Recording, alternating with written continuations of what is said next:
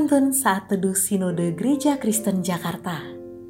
Rabu 28 Oktober 2020 Judul Renungan Mari Rayakan.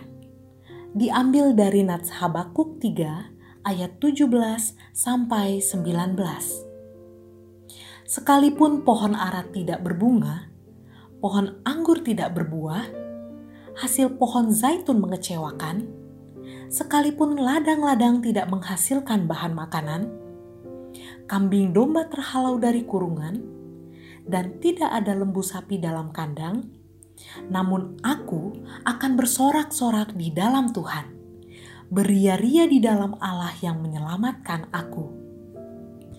Allah Tuhanku itu kekuatanku. Ia membuat kakiku seperti kaki rusa ia membiarkan aku berjejak di bukit-bukitku. Perayaan selalu mendatangkan sukacita dan menjadi momen istimewa. Kita merayakan ulang tahun, merayakan kelulusan, merayakan Natal, dan masih banyak perayaan lainnya. Dalam perayaan, kita bergembira memperingati peristiwa penting di masa lalu atau mengungkapkan sukacita atas apa yang kita alami saat ini. Perayaan bukanlah untuk peristiwa yang biasa-biasa saja, apalagi peristiwa yang menyedihkan. Nabi Habakuk hidup dalam masa yang penuh penderitaan. Saat itu, Allah memakai bangsa Babel untuk menghukum bangsa Israel karena dosa mereka sulit bagi Habakuk menghadapi semua realita itu.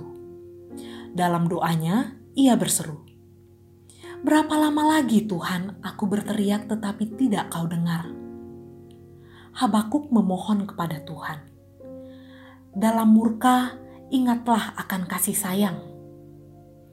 Ia percaya akan tiba saatnya Tuhan menghukum orang fasik yang menindas umatnya dan menyelamatkan umatnya.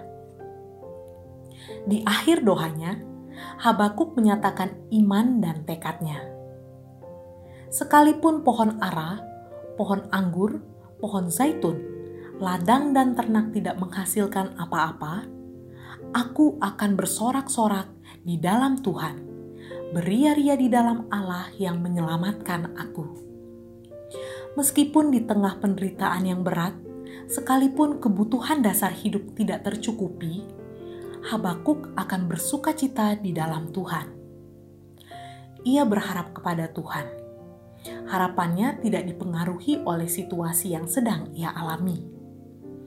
Ia tidak tahu kapan semua penderitaan akan berakhir, tetapi ia tahu pasti bahwa Tuhan akan menyelamatkan umatnya.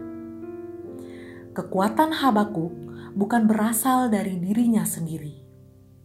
Allah Tuhanku itu kekuatanku. Ia menjalani hari-hari kesesakan dengan merayakan kasih setia dan kehadiran Tuhan dalam hidupnya. Jangan hanya melihat betapa besarnya masalah yang kita hadapi, tetapi melampaui semuanya, pandanglah pada Allah yang berdaulat atas segala sesuatu Allah yang lebih besar dari segala masalah kita. Mari rayakan kasih setia dan kehadirannya dalam hidup kita. Tuhan adalah harapan kita, sukacita, dan kekuatan kita. Tuhan Yesus memberkati.